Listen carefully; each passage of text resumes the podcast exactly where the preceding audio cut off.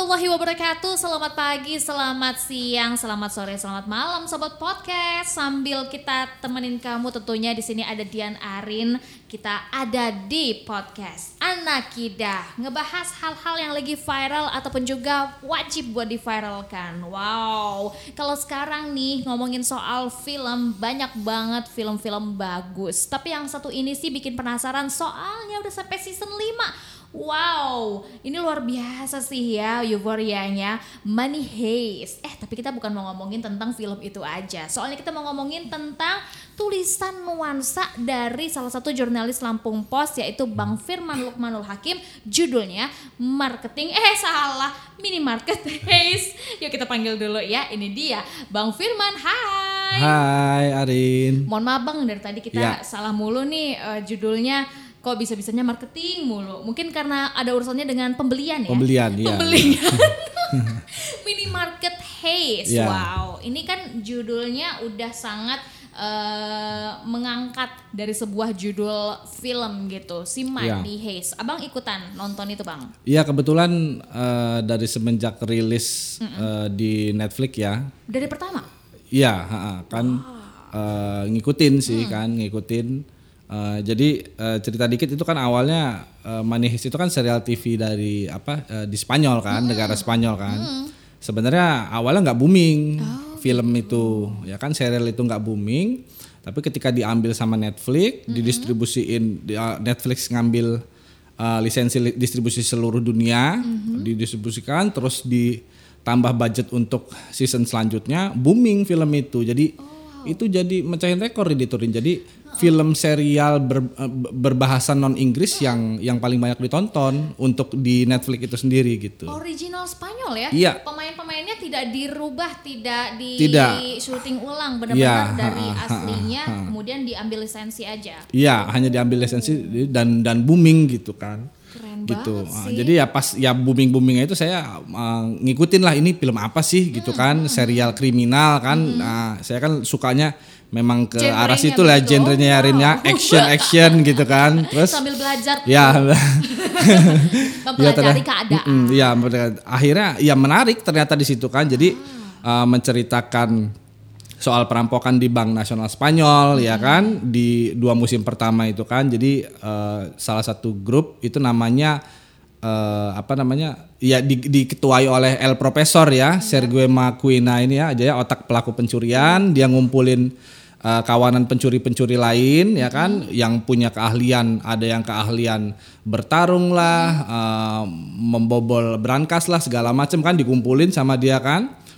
Terus uh, ya mereka nggak ada kode etik sendiri dalam perampokan itu Rin Gila, si perampokan lagi ada kode. Iya, ada kode etiknya. Makanya itulah mereka bisa terkenal licin lah ya. Jadi kayak mereka nggak pakai nama asli gitu kan. Jadi mereka ada nama-nama sebutan kode sendiri gitu. Kode-kodenya mereka pakai kode-kode negara kan. Eh, nama negara kan kayak eh, Tokyo, Palermo, Nairobi, ya kan, Bogota, Rio, Denver, Helsinki, terus Stockholm sama Manila kan. Nah, itu beberapa nama-nama negara yang dijadikan nama ini. Jadi Arin itu saya panggil namanya bukan Arin, tapi misalkan Jakarta. Eh, cakep kan? banget. Jadi pada saat perampokan itu kan nggak ketahuan nama nama sebenarnya Arin kan. Betul. Jakarta, Jakarta ini apa? Jadi- Cek itu ada polisi nggak? Gitu. Identitas pribadi nggak kelacak tuh Betul. pelakunya. Wah, Oh. licin sih. Dan juga banyak peraturan-peraturan dibuat sama si El Profesor itu kepada eh, kawanan perampok rekrutan dia gitu loh. supaya mm, sampai tujuannya. Iya, supaya Merampok. sampai merampok ya kan itu. Waduh, jadi kenapa nih Bang? Abang akhirnya ini apa yang bisa kita ambil dari sebuah film ini, Bang? Ya, jadi eh apa namanya? Ya kenapa nuansa saya buat eh, minimarket Haze ya? Karena saya terinspirasi dari si film Money Heist ini gitu kan. Udah udah eh, mau lima season berjalan ini kan. Kenapa bisa perampokan itu malah dipuja-puja sama masyarakat ya kan? Eh, karena sebagai apa namanya bentuk perlawanan kan kepada pemerintahan kan. Jadi eh, si si tim profesor ini beranggapan mereka tidak berbuat sesuatu yang kriminal gitu. Mereka mereka merasa eh, mereka ini berbuat seperti yang memang eh, para eh, negara berbuat gitu kan, yaitu dengan mencetak uang sendiri. Kan perampokan itu bukan perampokan uang Rin, tapi mereka mencetak uang sendiri, uang itulah yang di diambil gitu loh. Jadi mereka merasa ah kan bank juga kan sebenarnya nyetak uang juga gitu loh kan gitu. Ini ini bedanya kita apa cetak uang yang nggak dibagikan ke masyarakat dan ke petinggi-petinggi tapi untuk mereka rampok gitu. Nah terus ya lanjut lagi tadi kenapa jadi minimarket heist ya. Eh, jadi di dalam uh, film itu sendiri kan ya saking licinnya kan dengan berbagai teknik mereka kan tipu muslihat uh, tim perampokan ini. Nah ini juga terjadi di Bandar Lampung. Ternyata. Ternyata. Ada anggotanya mungkin bang. Ya nggak tahu kenapa mungkin uh, penjahat-penjahat di Bandar Lampung ini mungkin nonton film serial ini juga ya Rin ya. Malah terinspirasi. Terinspirasi malah jadinya kan. Ya. Iya. Oh my Karena god. eh, jadi 2020 kemarin Rin itu di Bandar Lampung ada beberapa kejadian pembobolan ATM di dalam minimarket. Oh iya, benar, Ya kan? Eh, Dan itu jadi- tuh lumayan kayak berentetan waktunya. Betul, Jadi betul. kayak wah kok abis dari situ ke sini. Jadi kayak kok wah ini bahaya banget sih. Iya, iya, iya, iya betul dan itu sampai sekarang kelompok itu belum tertangkap gitu loh. Seperti kayak di film-film Money Heist ini gitu jadinya kelompok licin sekali gitu loh Rin. Jadi eh, modusnya juga sama. Eh, beberapa saksi mata ya dari eh, pemberitaan di Lampung Pos itu bilang ada mobil lah yang eh, apa namanya datang oke. standby gitu. Kemudian di lokasi juga ada tabung gas oksigen ya kan.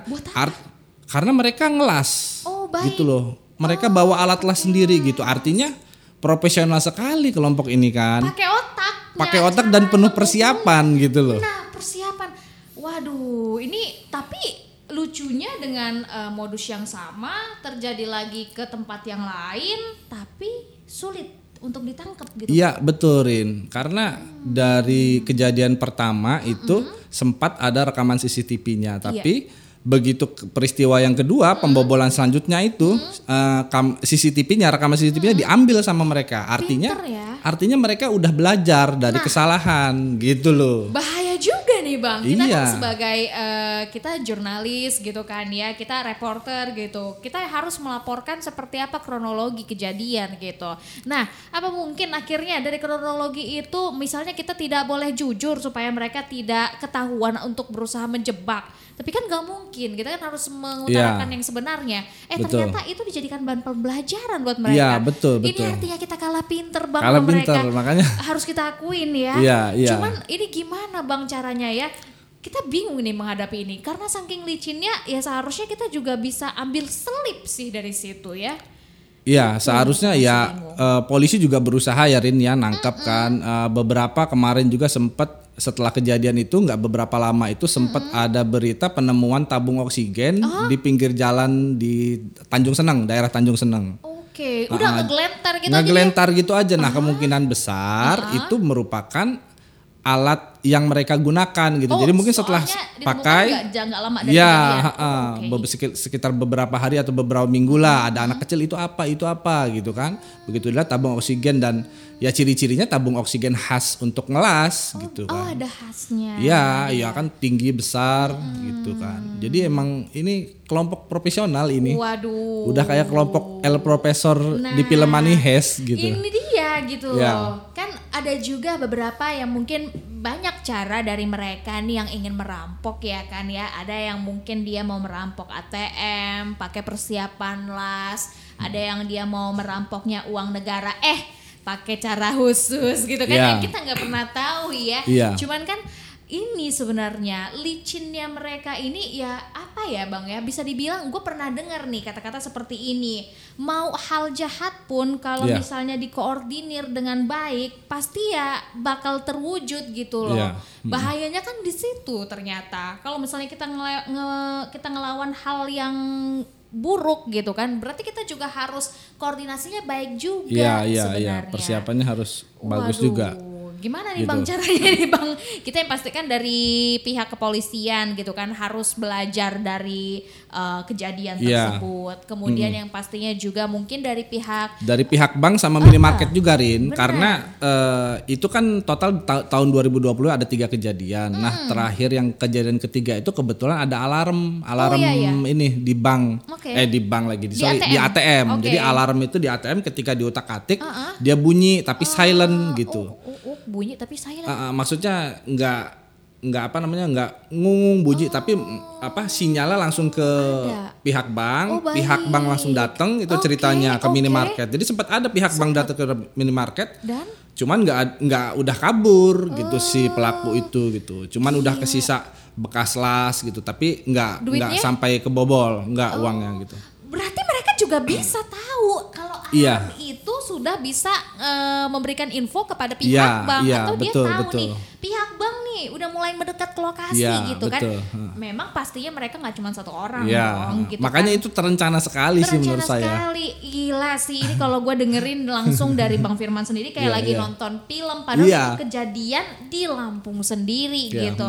Wah kayaknya mesti hati-hati nih sobat say dan sobat podcast karena memang sekarang kan memang segala macam kejahatan itu terorganisir sekali iya, ya. iya, betul. Dan sebenarnya kenapa sih? Gitu kan. Kita sih masih kayak kenapa gitu loh? Harus carinya ya memang sih pasti dapatnya banyak gitu kan. Banyak tapi kan itu. tetap aja Mm-mm. gitu loh Iya. kriminal gitu kan.